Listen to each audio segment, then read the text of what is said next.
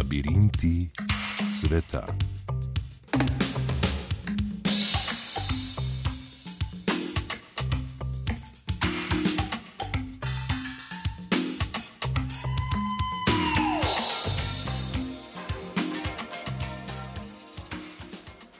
Spoštovane poslušalke, cenjeni poslušalci. Kje so časi, ko smo informativne odaje začenjali s konferencami ali ministerskimi srečanji? Lahko smo preslišali začetek, saj se na takšnih srečanjih praviloma ne dogaja nič usodnega. Danes smo veseli, ko slišimo, da se politiki pogovarjajo, ko ne dajajo le enostranskih izjav. Moskva in Washington se pogovarjata prek komunikacijskih šumov, prek naključnega curljanja zaupnih informacij. Združene države Amerike so zavrnile podpis porazuma z Rusijo o varnosti v Evropi in varnostno zagotovilo, da Ukrajine ne bodo sprejeli v članstvo Zveze NATO. V španskem časniku El Pais so objavili nekaj podrobnosti o pisnem odgovoru na varnostne zahteve Moskve. Američani naj bi bili pripravljeni pogajati se o nadzoru nad orožjem, pa o namestitvi jedrskega orožja in raket Tomahawk v Romuniji in na Polskem. Vendar šele potem, ko bi se Rusija umaknila z Krima, Donbasa, Abhazije, Južne Osetije in Pridnesterja, torej ko bo spoštovala mednarodno priznane meje.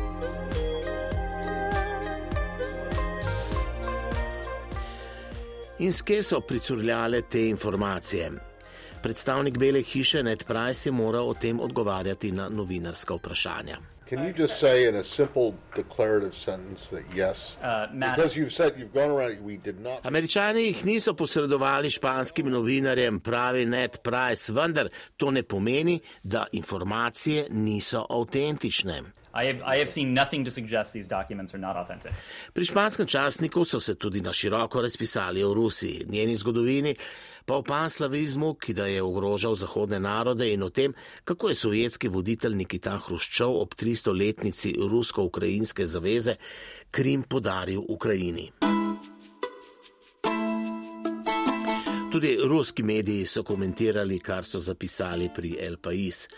Tako smo lahko zasledili izjavo vojaškega strokovnjaka Konstantina Civkova, znanega po svojih skrajnih stališčih, da se bo Rusija umaknila z Krima takrat, ko se bodo Združene države Amerike umaknile iz Teksasa. Oglasila se je tudi znana podsekretarka v ameriškem zunanjem ministrstvu Viktorija Nuland, ki je za curljanje informacij obtožila Rusijo. Namesto da bi se osredotočili na bistvo, se ukvarjajo s teorijami zarote. je dejala Nolandova. V Moskvi so prepričani, da curlja v Washingtonu. Pritrdili so, da so želeli dobiti zagotovilo, da se Ukrajina ne bo pridružila NATO, zanikali pa načrtovanje agresije proti tej državi. Curljanje informacij, ko ženevska pogajanja še trajajo, je vprašanje diplomatske etike, je bil ruski očitek američanom. V Washingtonu pa odgovarjajo, da so informacije dokaz o njihovi pripravljenosti na pogajanja. Bela hiša meni, da je ruska stran že na začetku pogajanj pristopila z nerealnimi predlogi, naprimer naj se NATO-ve sile vrnejo na meje pred letom 1997 oziroma pred prvo širitvijo na vzhod. Na meji z Ukrajino je še vedno v pripravljenosti 100 tisoč ruskih vojakov, 30 tisoč pa v Belorusiji, največ od razpada nekdanje Sovjetske zveze. Te dni tam potekajo vojaške vaje, sredi tega meseca pa bodo na drugi strani meje manevri NATO-vih sil. V Evropo prihajajo ameriški vojaki, vendar zanemarljivo malo v primerjavi z rusko stranjo. The thousand service members from the U.S. Army's 2nd Cavalry Regiment, which is based in Germany, will reposition to Romania in the coming days. Bela hiša bo te dni iz Nemčije v Romunijo napotila tisoč vojakov, 1700 jih bo poslala na Polsko, 300 pa v Nemčijo. 300 service members from Fort Bragg to Germany. This is not uh, troops that will go into Ukraine. They're not fighting in Ukraine. Tiskovna predstavnica James Saki je tudi dejala, da to niso vojaki, ki bi se šli boriti v Ukrajino, pač pa so Združene države Amerike po petem členu Severnoatlantske pogodbe zavezane podpreti svoje zaveznike v regiji. In seveda sledilo je novinarsko vprašanje. ali namerava Putin napasti katero od članic NATO. President Putin is a is a leader who has invaded two sovereign countries uh, in the last uh, several uh, several years. Um, Putin je voditelj, ki je v zadnjih nekaj letih napadil dve suvereni države, uporabil je tudi kemično orožje in sprožil propagando po svetu. Ne moremo predvideti, kakšne bodo njegove odločitve, vendar moramo biti na vse pripravljeni, je dejala. Ruski predsednik Vladimir Putin je v torek prvič po več tednih javno spregovoril o ukrajinski krizi in o tej priložnosti Zahod obtožil, da je prezrl varnostne interese in zahteve Rusije.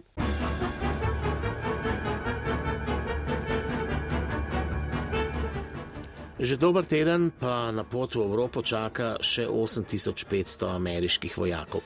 Kljub temu napovedi o ruskem napadu na Ukrajino niso ravno prepričljive. Med analitiki ni malo tistih, ki ugibajo, ali se morda Ukrajina pripravlja na povrnitev svojih ozemelj izgubljenih v vojni leta 2014.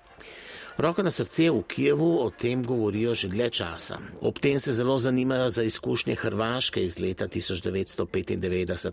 Naj spomnimo, hrvaška vojska si je takrat v akcijah Bliski nevihta povrnila večino ozemlja izgubljenega na začetku vojne leta 1991.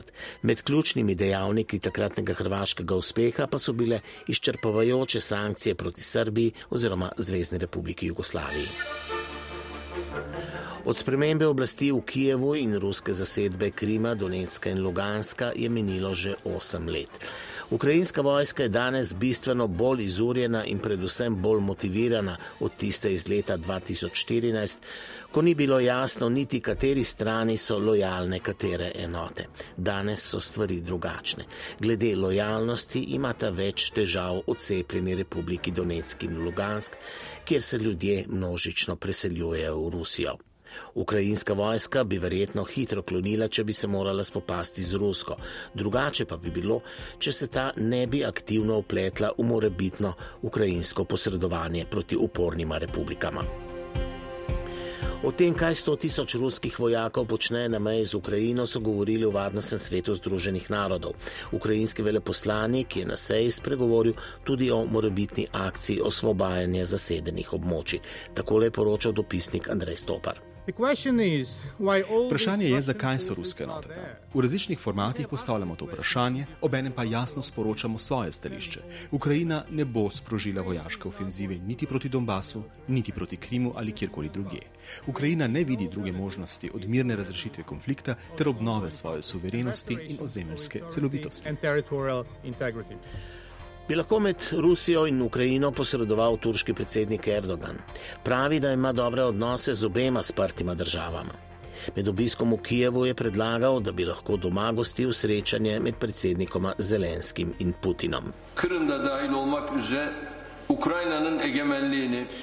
Še naprej podpiramo suverenost in ozemeljsko celovitost Ukrajine, tudi na Krimu.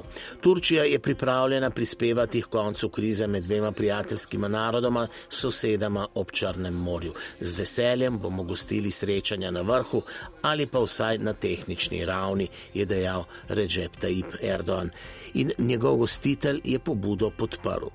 Morda zato, ker je takšno srečanje v tem trenutku bolj malo verjetno. V Moskvi so namreč obisk razumeli bolj kot podporo Ukrajini, še posebej ob uspešno sklenjenem poslu prodaje brezpilotnih letal. Spomnimo se na čas pred osmimi leti. Rusija ni zmagovala le na vzhodu Ukrajine, imela je pobudo tudi v Siriji in odločilno prispevala k pacu islamske države, kar so ameriški voljivci očitno razumeli kot slabost takratne Obamove administracije in glasove namenili republikancu Trumpu. Bidenova administracija želi očitno nadoknaditi zamujeno. Ameriške enote so tedni v Siriji ubile vodjo islamske države Abu Ibrahima al-Hurešja, za kar so dobile pohvalo tudi iz Moskve. Podpiramo prizadevanja drugih držav v boju proti terorizmu, vključno s članicami mednarodne koalicije pod vodstvom Združenih držav Amerike So sporočilo zapisali na ruskem zunanjem ministrstvu, gre za eno redkih spravnih gest v času napetosti med Moskvo in Washingtonom in to je žarek upanja ohranitve miru v Evropi in svetu.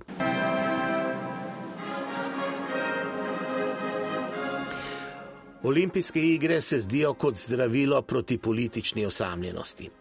Diplomatski bojkot zahodnih držav ponuja priložnost voditeljem 32 držav, da se po dveh letih pandemije COVID-19 unovič srečajo. Tako tudi Vladimir Putin in Xi Jinping. Pravzaprav je Putin po dveh letih prvi tuji politik, ki ga je sprejel kitajski predsednik. Vse diplomatske stike v tem času je upravljal online. Na zadnji obisk v tujino pa je odšel januarja leta 2020 v Mjanmar. Bosta voditelja dveh držav velikank uspela splesti zavezništvo, ki bi skupaj branilo ruske interese na Evropskem vzhodu in Kitajske v Južno-Kitajskem morju. Na kitajskem se vodstvo dolgo ni opredeljevalo glede Ukrajine, čeprav nasilno spremenjenih meja ne podpira. Po zasedbi Krima leta 2014 pa je izrazilo zelo zadržano razumevanje za rusko dejanje. Za uradni Peking so načela suverenosti in ozemeljske nedotakljivosti tako rekoč svete. V zadnjem času pa predvsem tamkajšnji mediji objavljajo stališča, ki so blizu Moskvi. Posebno pozornost vzbujajo skupne rusko-kitajske vaje v Arabskem in Južno-Kitajskem morju. Analitik Vasil Kašin z Visoke ekonomske šole v Moskvi pravi, da sta Moskva in Peking vojaško sodelovala že pred poslabšanjem razmer v Ukrajini. Leta 2021 sta podpisali dvostransko pogodbo o prijateljstvu, ki predvideva tudi skupne vojaške vaje expressions of um, support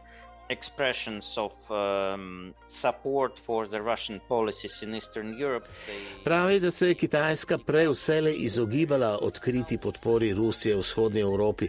Prej sta državi nastopali vsaka posebej, zdaj pa vse bolj skupaj.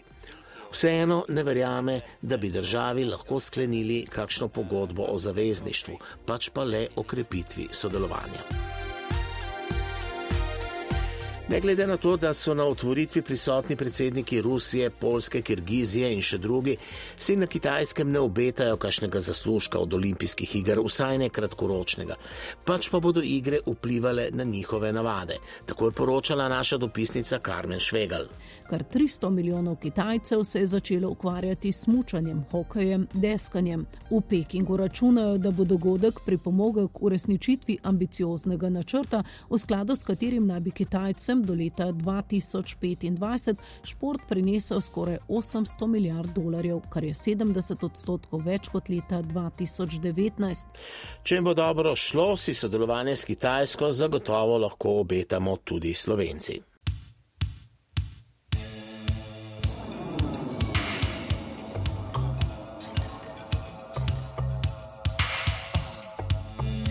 To so bili labirinti sveta. Oddaja zunanje političnega uredništva, za to ne poskrbel Max Pust, urednik Matjaš Trošt, moje ime je Marjan Bešligaj.